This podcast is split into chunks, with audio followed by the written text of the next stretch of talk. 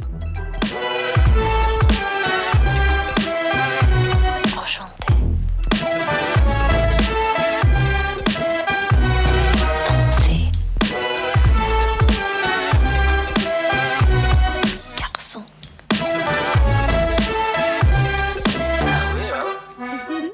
Gata upp, gata ner podcast återvänder in i era lurar åter igen. Vincent Messenger heter jag. Med mig har jag Pontus Hammarkvist och Pontus Hammarkvist är på lite deppigt humör idag skulle jag gissa. Har jag rätt då Pontus?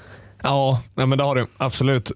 Det går väl inte att snacka någonting om att det här är något annat än en terapipodd. Eh, det började ju, liksom, helgen började ju ganska bra för min del. Jag känner att så här, fan, roligt ändå att åka upp till Tele2 på söndag. Vi vann division 5-match och det kändes som att så här, nu kan det bara liksom flyga här ordentligt. Men det är klart att man blir nedplockad på, på jorden ganska omgående när man får möta Hammarby borta här igen. Och fyra matcher i år, tre av dem i Allsvenskan. Vi har mött alla Stockholmslag borta. Jävligt skönt att slippa det där nu i alla fall. Och vi, för sista gången i år pratar väl ner en bortamatch i Stockholm i alla fall.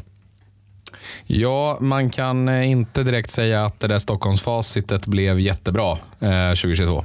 Nej, alltså det har ju sett helt okej ut. Det har börjat tappa lite grann där, men det har ju ändå varit ett ganska starkt facit man har haft borta mot, eh, men framförallt på Tele2, både mot Hammarby där ett par år och även mot eh, mot Djurgården, men det har ju verkligen skiftat i, i takt med eh, att åren har gått. Så att säga. Eh, så att, nej, det är inget, inget jättelyckat på bortaplan i Stockholm i år. Nej. Nej, men det kanske också går lite i takt med att eh, Stockholmslagen exponentiellt har blivit bättre också sett över de senaste kanske tre, fyra säsongerna. Ja, eller vi som kanske har tappat lite mark också. Det ena utesluter ju inte det andra. Så är det ju.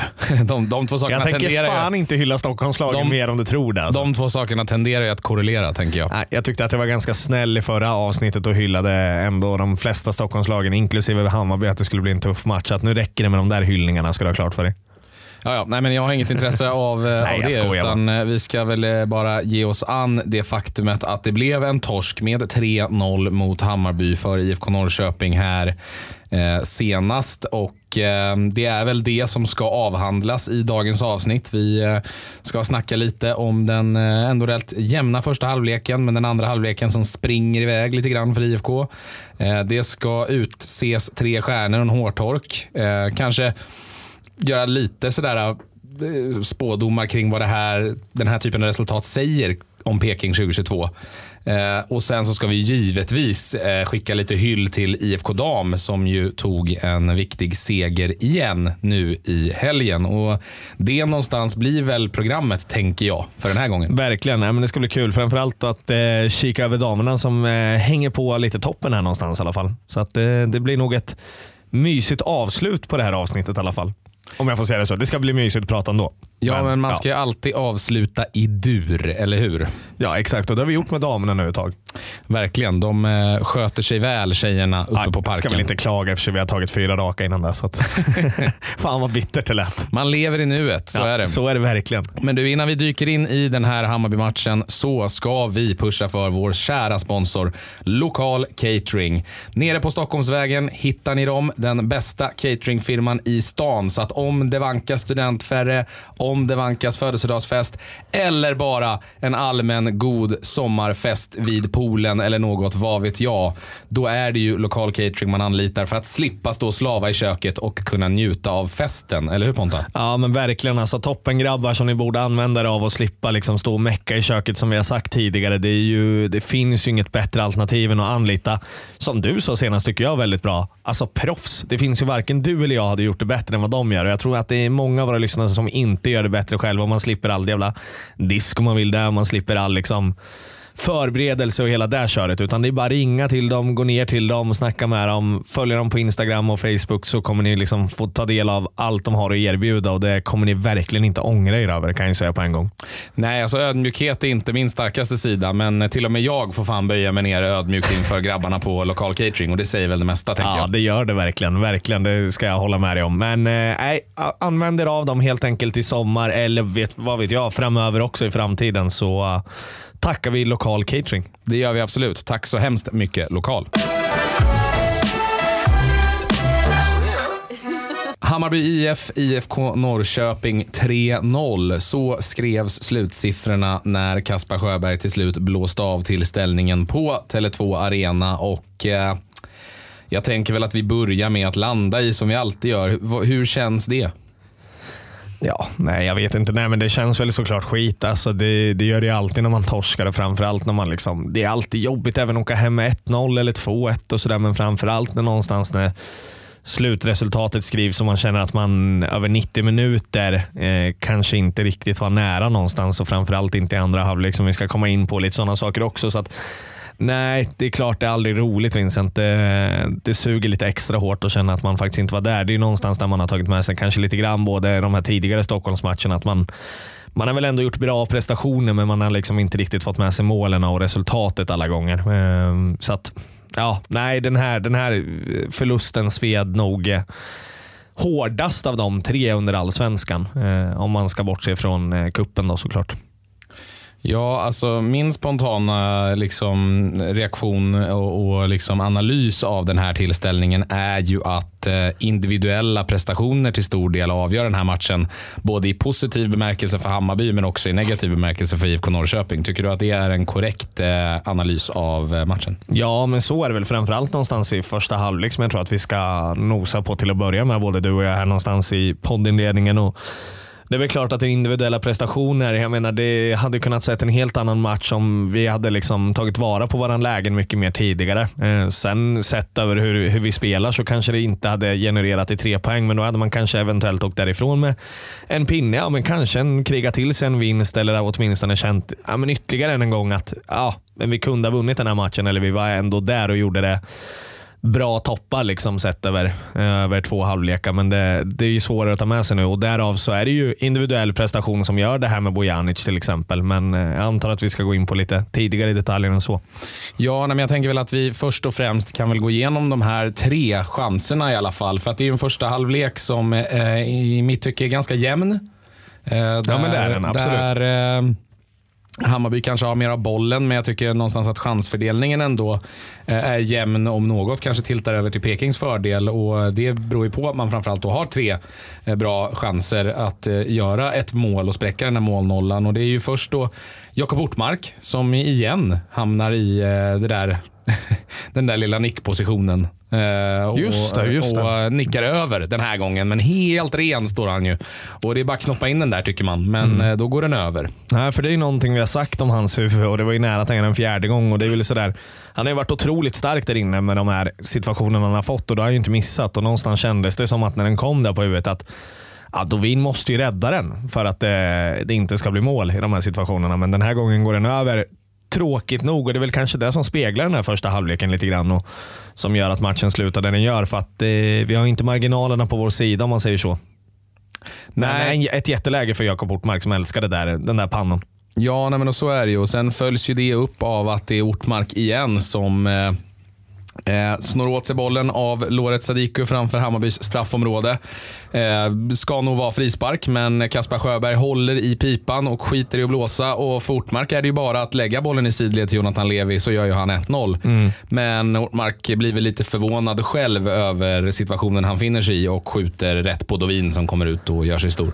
Ja, men verkligen. Men, eh, lite sådär som du säger, förvånad och han gör det ju väldigt bra även om han liksom kommer fram och kanske ska ha en frispark emot sig och får inte det. Eh, turligt, absolut, men samtidigt när vi har de lägena så måste man ta vara på dem. Och Ortmark gör det bra fram till dess och lyckas liksom inte liksom skjuta bollen igenom Dovin, vilket han någonstans kan, borde kanske förstå och veta vem man har vid sidan. och Då är det bättre att försöka petar han åt Levi och som du säger då, då är det öppet mål och Levi missar inte de där lägena. Eh, sen kommer det en andra situation där Totte Nyman liksom lutar sig över bollen men ändå pressar den tre meter över, vilket förvånar mig någonstans för att det känns som att han borde få den där bollen på mål ändå. Även om den kommer lite snabbt och nära in på honom så är det också en tråkig situation. Men om man någonstans i den här situationen ska prata om så är det Levi som ska ha bollen och göra 1-0. Men där hamnar vi inte riktigt. Eh, tråkigt nog. Och samma sak där. Marginalen är emot oss ytterligare en gång där vi inte är påkopplade kanske. Ja, men då är det inte kanske lite att man är lite tagna av eh, matchens signifikans och, och vad det är för typ av match man spelar. För att det känns ju som att man är så himla stressade. Alltså Ortmark blir stressad när han får det här läget i knät. Och sen även Totte Nyman av alla människor som sen då ändå har en, jag skulle ändå säga att i, alltså för, för Totte och de kvaliteterna han har så har ju han en väldigt bra möjlighet att sätta dit den där ändå. Absolut en jättemöjlighet. Men, honom men, men även där känns det stressat. Det känns som att han väljer att borra ner huvudet och kruta skiten Mm. ur den istället för att lyfta blicken och, bestämma sig för det bästa alternativet. Ja, och, det, och det tyder väl på någon form av stress kan jag känna.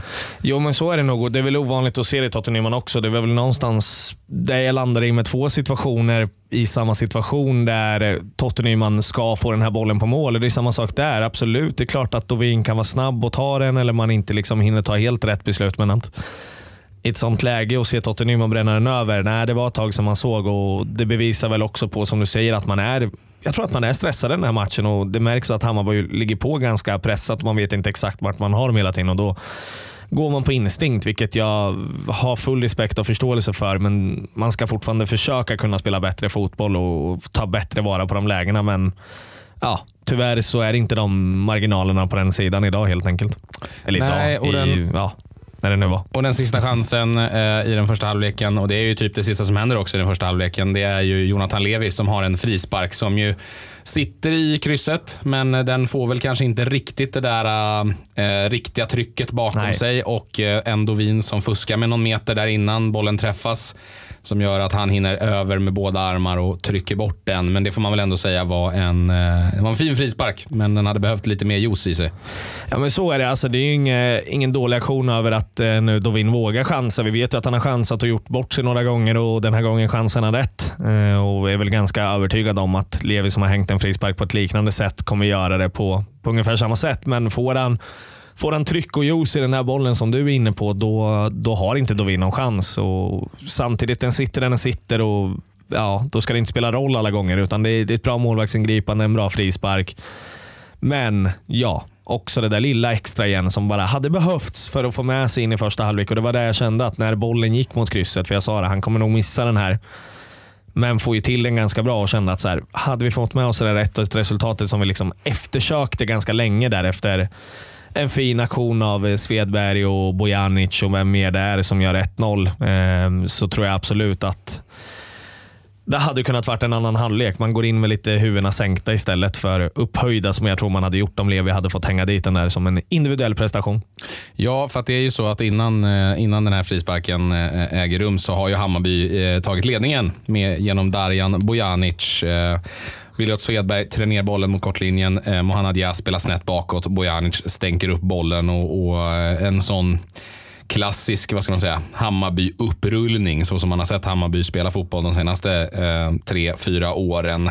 Och eh, ja, Det är väl inte så där jättemycket man kan göra åt det målet. Det är väl Daniel Eid då som tappar Ja, bort ja. Mohanad Diaz. Exakt, ja, men det är mycket det jag är inne på också. Han tappar bort honom fullständigt och sen är han inte alls med på inspelet snett inåt bakåt. Och där kan jag förstå när man har tappat bort honom redan så går allting lite, lite, lite för fort för att hinna med. Vilket jag, bollen är det ju som gör jobbet det här och det är ju ett väldigt vackert fotbollsmål. Det går ju inte att snacka bort och det går varken att hänga, det går ju inte att hänga Jansson för målet. Men eh, Eh, nej, det är Daniel Eid som ska ha bättre koll där ute på sin kant. Tyvärr. Ja, nej, och sen eh, går man då in i halvtid. Ändå rätt jämn första halvlek, men Hammarby har ledningen. Men det kändes ju inte som att eh, liksom IFK var chanslösa på något sätt i den här matchen. Men sen kommer man ut i den andra halvleken och visst känns det som att man aldrig riktigt kommer dit. Nej, alltså jag, jag kände någonstans när vi öppnade de första två, tre minuterna som det kändes som att, ja, det, ja lite grann liksom. Att det kändes som att det var någonting på gång, men ändå så kändes det när huvudena var nere. Det, vi började skapa, vi började rulla lite grann och det kändes som att så här, men det är så pass kort tid av eh, liksom de här 45 minuterna som vi spelar till. och när det inte händer någonting där och vi inte får någonting med oss så håller jag med dig om att det är ganska chanslöst i stort sett eh, över hela matchen. Ja, och sen kommer ju situationen där väl matchen dör eh, definitivt. Och Det är ju när Bojanic stänker upp 2-0 för Hammarby. Där eh, Jeppe Andersen går in i en tackling eh, mot Jean Carlos de Brito. Eh, där han bör ha en frispark. Eh, den frisparken blåses ej. Den är solklar. Bollen hamnar ganska direkt hos Darijan Bojanic som eh, smäller dit bollen. och ehm, ja, det, det var liksom någonstans där som matchen dog definitivt. Ja, han krutar ju dit den stenhårt och alltså den smäller ju, om vi, om vi är inne på skottet här någonstans. Så, eh, är det, den är svårtagen, men den går ju mitt på mål. Och det är som Oskar Jönsson själv säger, att där ska han ändå få upp en hand och hinna på den där bollen. Eh, för att den går så pass långt utanför. Och jag tänker inte liksom dundersåga Jansson för det, men jag tycker ändå att, som han själv säger, att det finns en bättre nivå i honom och där ska han kunna rädda laget eh, ifrån det här. Men samtidigt vill jag ändå kolla lite grann extra på det här liksom, situationen där jag tycker är solklar. Eh, sen gör Bayern en bättre prestation så jag tänker fortfarande inte liksom bedöma. Och det ska nog Kaspar Sjöberg vara ganska nöjd över att det blir 3-0 och att matchen slutar vad den gör. För att hade det här varit 2-1 eller 1-0, då hade han blivit eh, hängd av många supportrar där ute och vi hade varit otroligt, pratat otroligt mycket mer om honom. Men eh, det är ju en situation där Jean Carlos de Brito, som inte gör en toppenmatch, men han ska ha en frispark med sig alla dagar i veckan. Det ska han ha. Det ska han ha. Och då är det så jävla tråkigt och jobbigt bara precis att direkt i sekvensen efter så kommer det här målet. Och det gör ju, förstör ju så mycket i ens egna ögon. Men absolut, det är ett jättefint skott och Oskar som som inte riktigt är på plats i rätt tillfälle. Nej, men jag, jag tror ju också tyvärr lite grann att, att den situationen blir bedömd på ett annat sätt. Eh, för Jag såg på eh, i eh, Discovery-studion att de gick igenom eh, liksom hela, vad är det, 40, de, hela de liksom 45 sekunderna eller minuten som försiggår eh, målet. Och jag tror ju tyvärr att en av anledningarna till att eh, De Brito inte får den här frisparken, det är ju på grund av hur han beter sig i minuten innan. För att han springer runt på offensiv planhalva och hackar ju fullständigt ner två spelare i, i, situationen som leder upp till den här situationen. Och då tror jag att, eh, och då så blir det ju blåst fördel och så släpper man och då så när den här kommer tillbaka så tror jag att eh, det, det bidrar till att han, eh, att han inte får med sig den, den frisparken i den 50-50 duellen. Nej, jag förstår, ju, jag förstår ju grejen. Alltså det är inte så. Jag förstår argumentet. Jag förstår att man kanske pratar om då att det är fortfarande en människa som dömer, att det blir den mänskliga faktorn. Men det är fortfarande helt eh, uppåt väggarna trots allt. Om du ändå liksom frågar mig någonstans som kanske står med supporterögon.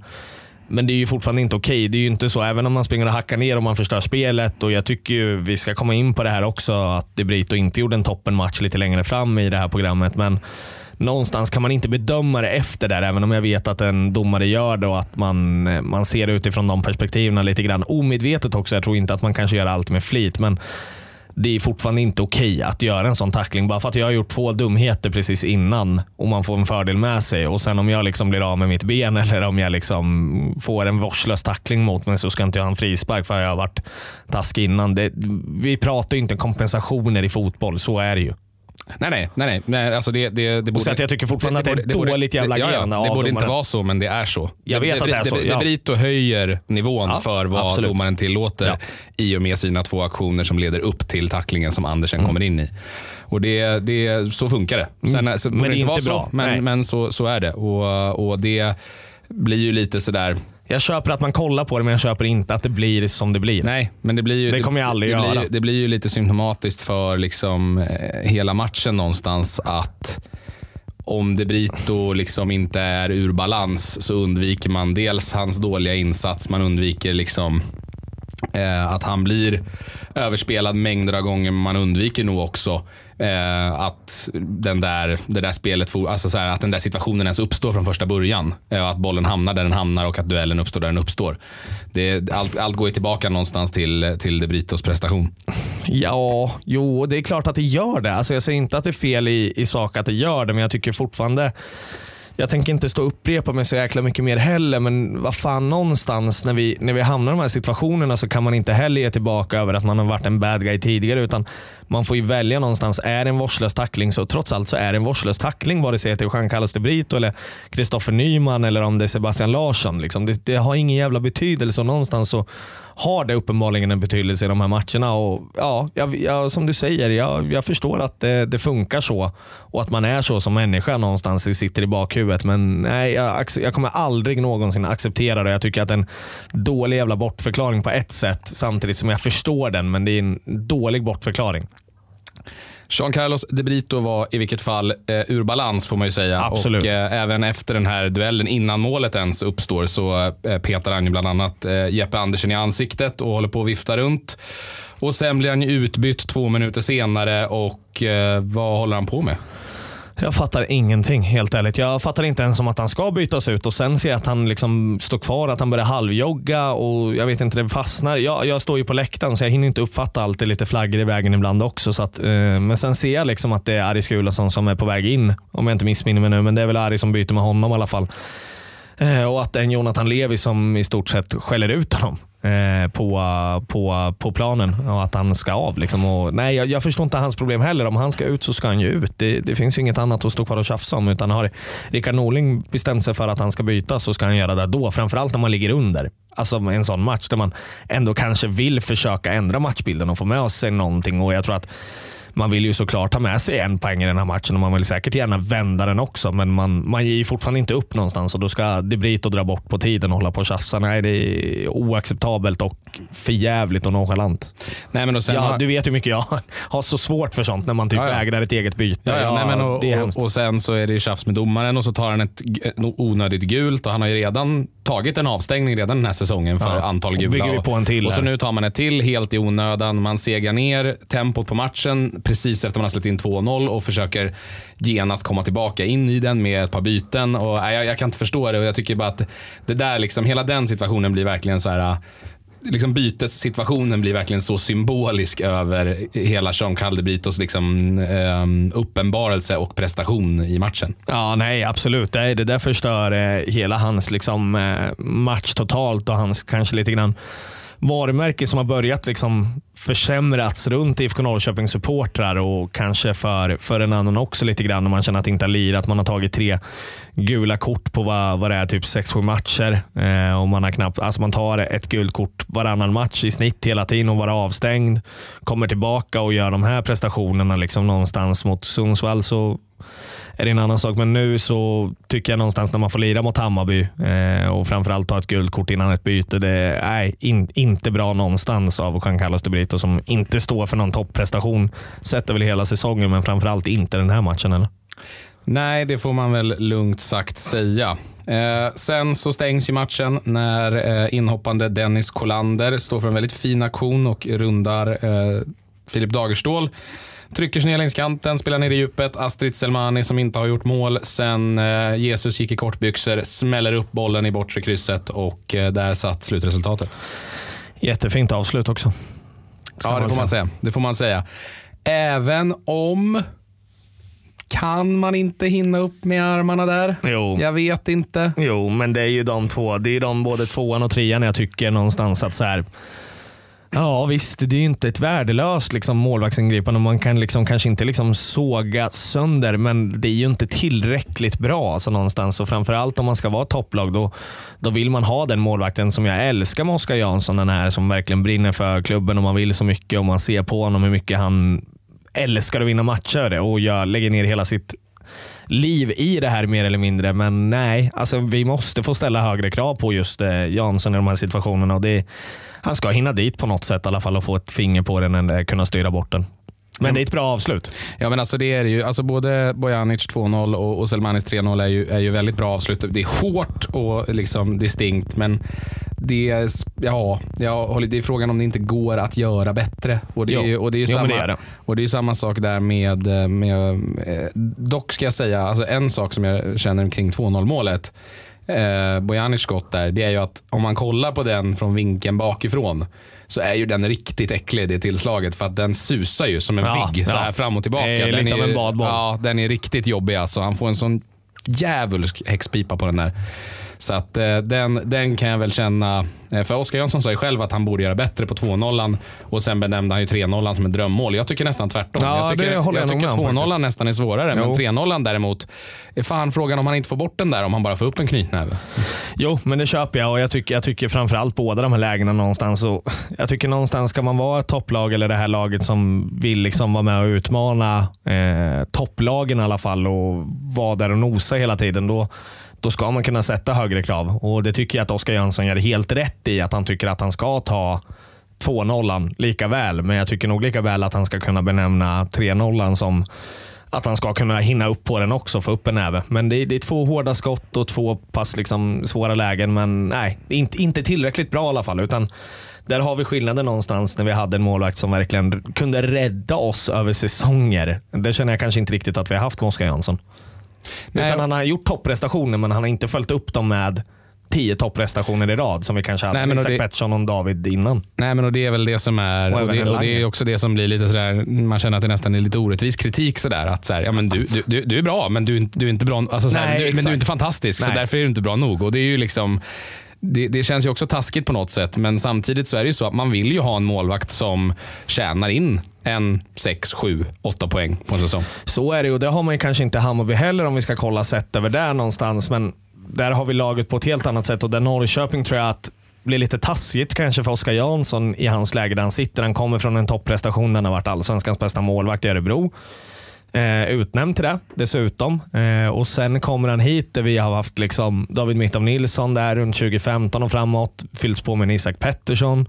Vi har haft en Langer emellan som har varit väldigt bra om du frågar mig i alla fall. Och Sen har vi haft liksom Isak Pettersson typ igen. Eh, men du vet, alltså så här, det blir inte lätt för Oskar Janssons liksom, kravbild från supportrarna heller om man säger så. För att det är så här, Visst, han gör det inte asdåligt, men det finns prestationer som gör att han kan rädda det här laget. Och det kanske han inte riktigt har stått för i, ja, men som man har sett i de andra gubbarna, 10-15 matcher i rad ibland. Där det har varit så här 1-0 och så oj vilken drömräddning och så tar vi tre poäng istället för en poäng. Tyvärr. Så här då, om man ser till hela laget. ehm, relativt tufft spelschema i inledningen. Katastrofal inledning. ehm, men, Ja, ändå, men, ändå, jo. men ändå rätt svåra matcher. Absolut. Bortsett från kanske Varberg då hemma eh, på förhand. Eh, sen kommer man in i ett lite lättare schema. Eh, tar ett gäng vinster. Ja, fyra. Eh, ja, fyra vinster varav en, En då kanske. Kalmar, Kalmar borta. Absolut ingen enkel match. Men det är väl ungefär då jämförelse med, med första Och ett kryss mot Häcken. ja, med, med första matchstretchen där att, eh, att det, det är en match som kanske inte var så enkel, en match som kanske inte var så svår. Ja. Men du förstår vad jag menar. Så i, den svåra, I den svåra stretchen i början så går det skitdåligt. I den här lite lättare stretchen så går det skitbra. Och sen nu så får man då första testet mot ett topplag i Allsvenskan direkt efter fyra raka vinster och så åker man på 3-0 i rökan. Vad säger det om IFK Norrköping 2022? Jag hoppas väl att det ser att vi inte ska åka på någon mer liksom, de här jävla plumparna som vi har gjort tidigare. Utan för någonstans för vårt sätt att hålla kvar. När vi mött Stockholmslagen borta, ja absolut tufft på ett, på ett sätt på pappret och det lutar väl kanske inte åt att man just nu ser ut att kunna vara ett lag som är med och eh, utmanar i toppen. Men alltså vår uppgift här någonstans just nu i alla fall blir att fortsätta liksom försöka knipa så mycket poäng på hemmaplan mot de här lagen. Gärna vinna mot dem. Framförallt Elfsborg här och avsluta någonstans ja, men första tredjedelen av säsongen innan uppehållet. Eh, att komma in med någon slags energi och veta att vi har liksom tagit en trepoängare till och kunna bygga vidare på det under sommaren och verkligen släppa den här Bayern-matchen på riktigt. Men det säger väl mycket mer om det i grund och botten här idag. Så säger det väl mycket mer om att vi kommer vara ett klassiskt mittenlag för tillfället. Ja, alltså för det är ju det jag För att tänker. just nu spär man skiten i Sundsvall och får åka på stordäng mot Bayern. Ja, fall. och det, det, är lite det, jag, det är lite det jag ville komma till. Att för mig blir det ju så att om man är klart och tydligt bättre än de dåliga lagen och man är tydliga distanser efter de riktigt bra lagen, då säger det till mig att man slutar på åttonde plats i Allsvenskan.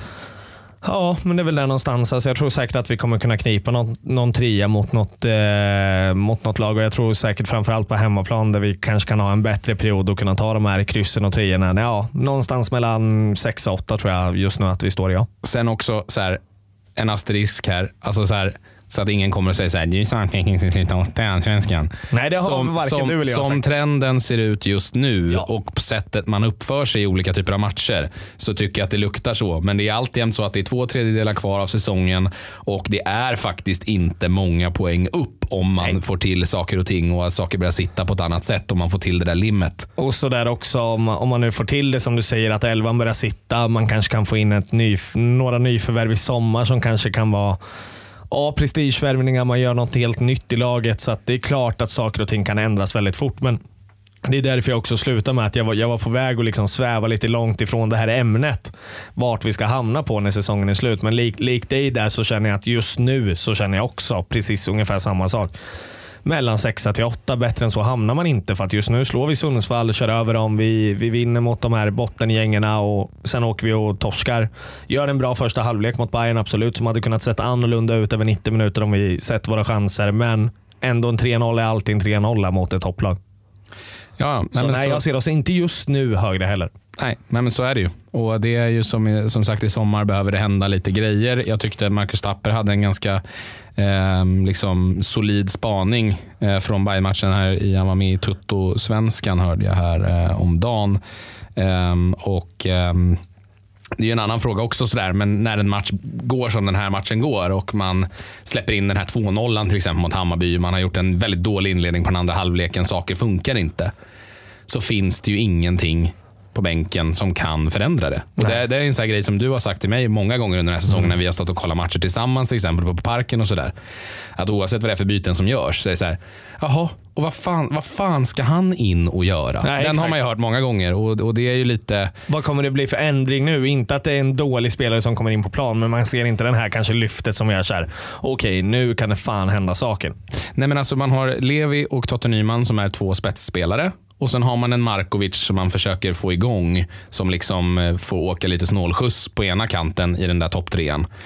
Eh, det är frågan om inte Markovic, så som han spelar just nu, hans plats borde vara som första man på bänk och kunna komma in och göra en impact. Ja. Och ha en spetsspelare, typ Pontus Almqvist, ute till den, på den där vänstersidan. Mm, absolut, ja, men självklart så är det verkligen. Och det, det tror jag kan göra en jättenytta för att just nu så har ju kanske alltså Markovic, vi har ju sett, sagt det tidigare också, han har sett spännande ut och sådär och nu ser han mindre spännande Det ut också. händer inte så mycket. Nej. Det är det som är problemet. Nej, och Jag vet att jag fick den spaningen av, eh, av dig. Det var väl David som skickade den till dig, att det såg ut lite som en spelare som gör mycket. Jag jämförde väl någon Premier League-spelare till och med. Emil Hamberg, min Nej, vår gode vän som till håller på Ja, eh. Tottenham Hotspur. Ja. Ja, just det. Var Tyckte han skickade. om Lukas Mora. Ja, nej, men och det, det kanske är en ganska bra spaning om man, om man ser på det hittills i alla fall någonstans. Att jag, jag säger fortfarande emot den för att han inte har fått chanserna tillräckligt länge, men eh, ja, det, det ser intressant ut. Men det har inte hänt så jävla mycket runt Markovic, så är det ju.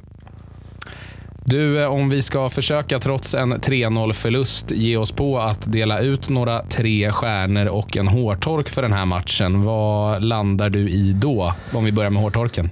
Ja, men alltså, tre stjärnor är ju, är ju alltid liksom, tar emot någonstans, eller tar emot, men det, är- det är svårt att liksom välja ut. Jag tycker att man kan kolla över en prestation över matchen, men hårtorken någonstans landar ju, jag tycker att så här, visst, vi pratat om Oskar Jansson, han kan göra det bättre, men jag tycker ändå att det finns en spelare på den här planen som eh, ja, men förstör och liksom drar ner på det här tempot. Det är ju Jean Carlos de Brito som får den här hårtorken den här veckan.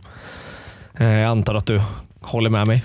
Ja, nej, jag tycker att hans eh, match mot Hammarby blir det ultimata exemplet, men jag tycker man har sett liksom, eh, drag av det tidigare under säsongen. Att det är, det är dags för Jean Carl de Britos att eller Jean, Carlos de Brito att eh, spotta ut nappen och växa upp lite grann. Eh, jag tycker att det är lite stroppigt, det är lite sådär uppgivet, gnälligt kroppsspråk och eh, alldeles för dåliga prestationer.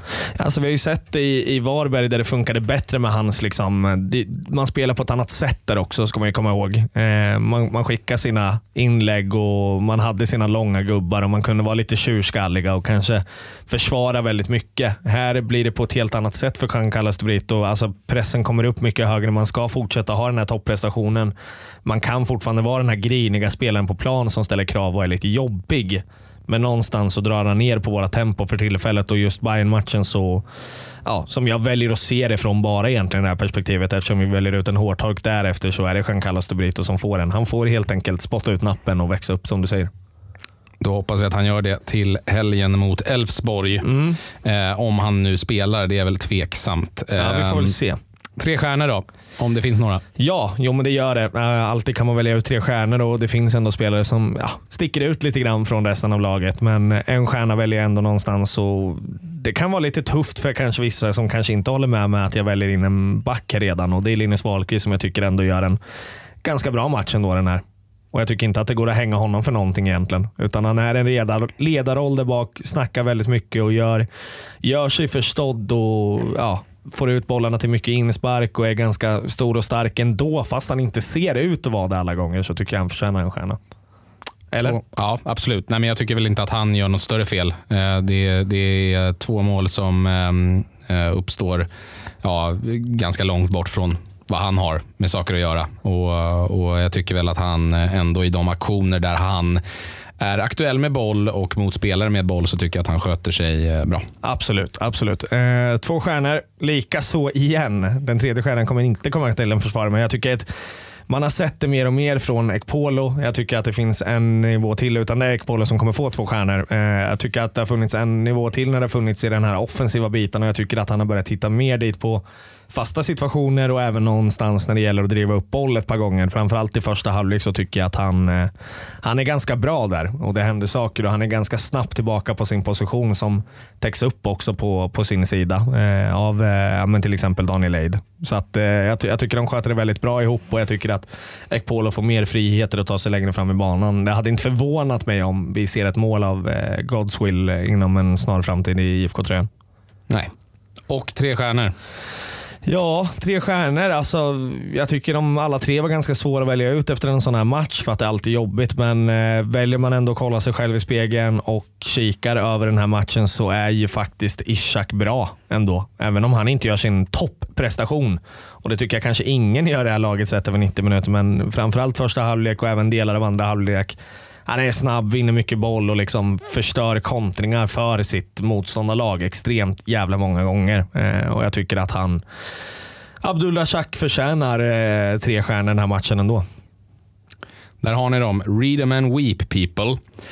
Eh, du vet, innan vi ska runda av det här så ska vi ju hylla IFK Dam som eh, när IFK Herr kanske eventuellt eh, tog ett steg bak från toppen så tog IFK Dam ett steg närmre och eh, ligger ju där och skuggar de absolut bästa lagen i serien efter att man piskade dit Älvsjö med 2-0. Mimmi Asperoth öppnade målskyttet med ett helt otroligt mål på ett väldigt påpassligt och snabbt inkast av Sabina Ravnell så smällde hon till på halvvolley från 30 meter rätt upp i klykan.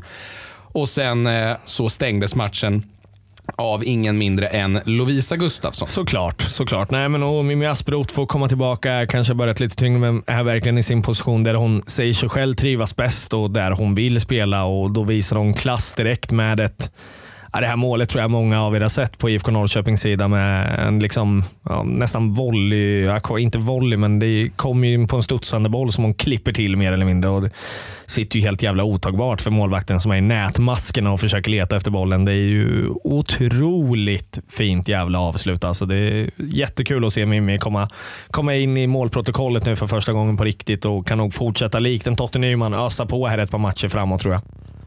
Ja, nej, men en, en vinst som för laget ger framtidstro sett uppåt i tabellen, men som kanske också ger framtidstro just eftersom vi har pratat om just Mimmi Asperoth som behövde steppa upp lite här nu när Taylor Townsend är out for the season och att Mimmi som togs in som ett prestigeförvärv kanske inte riktigt har levt upp till det ännu i poängkolumnen.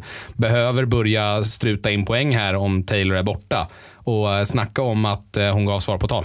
Ja, det gjorde hon ju verkligen. Så det är otroligt viktigt och någonstans ett IFK Dam som eh, hänger på i toppen. Som du säger, det är väl två matcher egentligen man ligger bakom Lidköping som toppar den här tabellen. Så att, att den här säsongen som vi har pratat om att man kanske kommer få nöja sig med att vara fyra, femma någonstans och se i alla fall ett IFK Norrköping som kommer vara med och utmana och liksom flåsa de här topplagen i nacken och då kommer de inte få det lätt. Det ska vi komma ihåg. Alltså det, det känns som att ett IFK Dam har börjat växla upp och lite plumpar som vi har pratat om, men ändå bara ligger, vad, jag har att vi sa sex poäng ifrån. Eh, jag har det inte framför mig. Sex poäng från första platsen. Man är fyra poäng ifrån en eh, direkt uppflyttningsplats som tvåa. Så att, Då pratar eh, vi om Alingsås hemma och Malbacken borta som kanske lite sämre resultat. Jag menar, plockar man de här poängerna till exempel, ja, alltid mycket om och men när vi pratar i den här podden om, om när man alltid pratar fotboll. Men någonstans, om jag får komma tillbaka till det, det är ett lag som håller på att liksom kan ställa till det för de här topplagarna faktiskt. För att tabellen börjar sätta sig nu.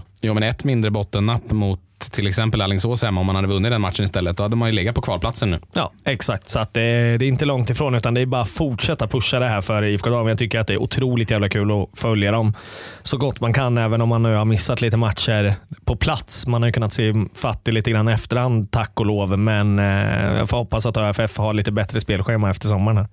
Ja, jävla ÖFF försöker hindra oss från att gå på IFK Dam. Det är för jävligt. Ja, verkligen, verkligen. Nej, Avgå men, alla. exakt. Nej, men eh, jävligt viktig vinst på hemmaplan här nu och man har börjat trumma igång på riktigt. Så att IFK Dam är fan att räkna med och det kan vi säga på en gång. 10A gör sitt jobb, Tor Arne. Med det konstaterandet så stänger vi denna dags avsnitt av Gata upp, gata ner podcast. Det är 148 i ordningen. Hoppas trots en sur 3-0-torsk för alla Peking-fans där ute att ni ändå fick ut någonting från den här podden. Kanske inte minst som någon form av terapi. Blir det något slags liksom ändå lite firande nästa vecka med 150 ändå? Vi har ju gjort det 50, 100, 150. Något slags lite firande måste det nästan bli över att vi firar in eh, semester första tredjedelen spelad av IFK Norrköping här. Jag menar, vi har gjort 150 avsnitt ihop. IFK Dam trummar på. Förhoppningsvis vunnit mot Bergdalens IK på lördag, eller vad fan de nu heter. Det känns som att det kan bli något spännande nästa vecka. Det öppnar ju, alltså det luktar ju eh, birpodd. Ja, exakt. Sitta och kasta ur sig halvdana spaningar på fyllan. ja, exakt. Berätta om lite gamla minnen kanske man har gått igenom. Ja, Nej, men eh, något sånt kan vi nog hitta på nästa Ja. vecka. Skicka iväg något förslag om ni har något roligt ni vill eh, höra på när vi firar 150 avsnitt. Sätta Ponta riktigt dyngrak framför en poddmick. Då jävlar. Ja, det är ingenting. Allting kommer bli censurerat alltså. Då blir det svårt med sponsen sen. Bara blurr. ja, exakt. Ja, nej, men, eh, tack så hemskt mycket alla kära lyssnare för att ni lyssnar vecka in och vecka ut och att ni ratear oss på Spotify, Apple Podcaster och alla andra typer av plattformar där ni lyssnar på oss. Eh, också ett stort tack till vår kära sponsor Lokal Catering. Ja, stort jävla tack till både er som lyssnar och lokal som sagt var så eh, ser vi till att fira in den här 125-årshelgen som vi pratar om i nästa avsnitt till, tillsammans nu på lördag och söndag. Håll utkik på sociala medier runt IFK Norrköping, våra sociala medier och allt vad de har att erbjuda för det kommer bli en otroligt fullspäckad helg även om resultatet inte har gått med oss den här gången. Det kommer det bli. Ha det gött. Puss! Hej. Hej.